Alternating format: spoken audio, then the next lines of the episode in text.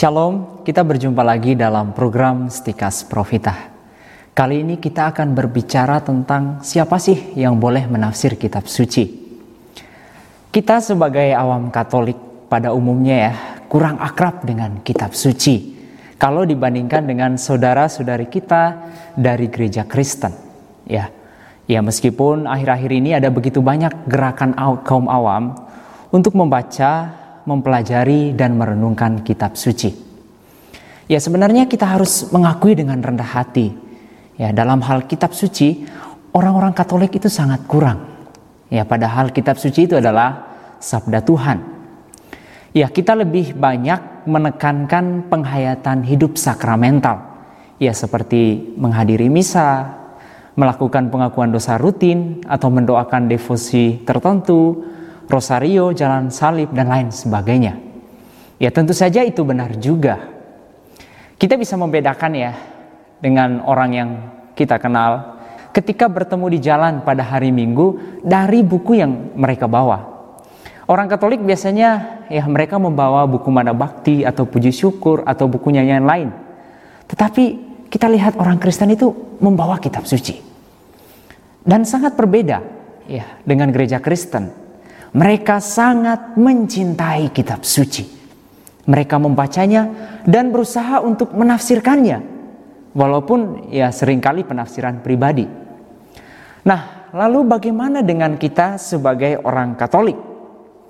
Apakah kita boleh menafsir kitab suci secara pribadi? Di dalam ajaran Konsili Vatikan kedua dikatakan demikian. Semua hal sekitar penafsiran kitab suci akhirnya harus tunduk pada penilaian gereja yang menjalankan perintah dan tugas ilahi untuk memelihara dan menafsirkan kitab suci. Nah, dengan demikian, di sini gereja tidak melarang penafsiran pribadi terhadap sabda Allah. Tetapi tafsiran itu hendaknya sesuai dengan yang diajarkan gereja, artinya tidak bertentangan atau tidak berlawanan dengan iman gereja. Nah, mengapa demikian? Pertama-tama kitab suci adalah bukanlah buku yang gampang dibaca. Sabda Allah itu sulit diselami.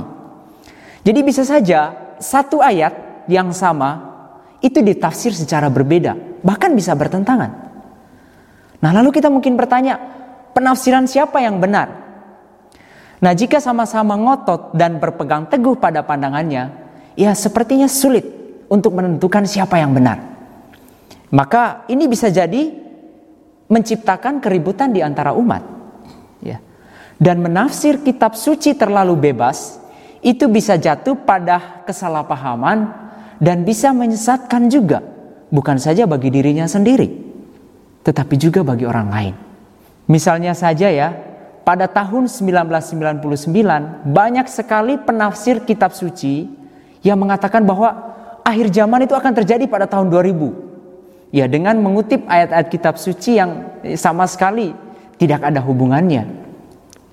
Lalu banyak orang mempersiapkan diri menyambut tahun 2000. Tetapi itu juga menciptakan ketakutan dan kekhawatiran di kalangan umat ya karena mereka tidak paham dengan sabda Allah itu. Ya ada yang percaya juga sehingga menimbulkan ketakutan. Nah, tentu saja tafsiran ini membuat orang takut Padahal kitab suci tidak pernah memberikan data kapan akhir dunia itu terjadi. Ini hanya salah satu contoh ya. Masih ada contoh lain bagaimana penafsiran pribadi itu bisa membawa kesesatan. Ya. Barangkali kitab yang paling banyak ditafsir menjelang tahun 2000 itu adalah kitab Wahyu.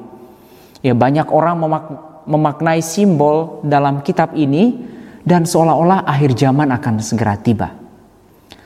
Nah, saudara-saudariku yang terkasih, sebagai jalan tengah, gereja sangat menganjurkan umatnya untuk membaca kitab suci. Mengapa demikian? Karena di dalam kitab suci, ya, atau lebih khusus lagi di dalamnya seperti yang dikatakan Paulus, nyata kebenaran Allah yang bertolak dari iman dan memimpin kepada iman. Injil itu adalah kekuatan Allah yang menyelamatkan setiap orang yang percaya. Itu ada dalam Roma bab 1 ayat 16 sampai 17. Nah, lalu kitab suci itu juga adalah kekuatan iman, santapan jiwa, sumber jernih dan kekal hidup rohani. Nah, lalu tentang penafsiran, gereja tetap memberi tempat pada penafsiran pribadi. Tetapi hal itu dibatasi dalam artian begini, bahwa tafsiran itu tidak boleh terlalu bebas, ya, melainkan tunduk pada apa yang ditafsirkan oleh otoritas gereja yang berwenang yang tidak dapat diragukan lagi, yaitu magisterium gereja. Jadi magisterium itu adalah pengganti para rasul, yaitu para uskup dan dalam hal ini pauslah sebagai kepalanya. Nah, dengan ini mau menunjukkan bahwa penafsiran kitab suci tidak boleh semaunya yang sering kali didorong oleh kebutuhan kita secara pribadi. Ya, makanya supaya tidak menimbulkan keresahan, inilah perlunya magisterium.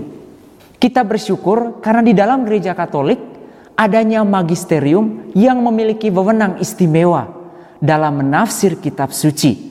Ya, meskipun dengan adanya magisterium ya menciptakan kekurangan juga.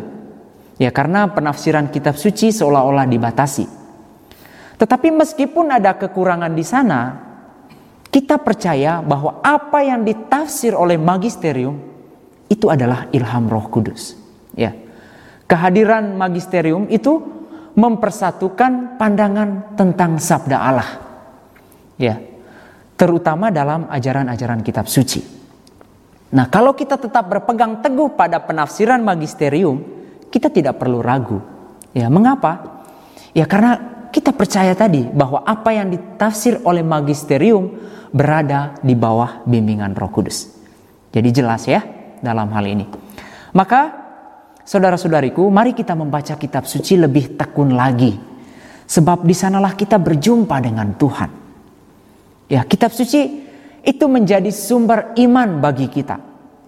Kita boleh menafsirkannya secara pribadi, tetapi ingat, harus sejalan dengan apa yang ditafsirkan secara resmi oleh gereja. Ya, ketika orang membaca kitab suci, sering kali penafsiran pribadi tidak dapat dihindari.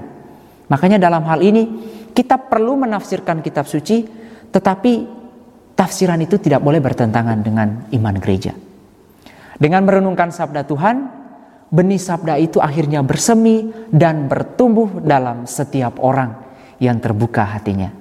Semoga saudara-saudari mencintai dan mengenal kebenaran.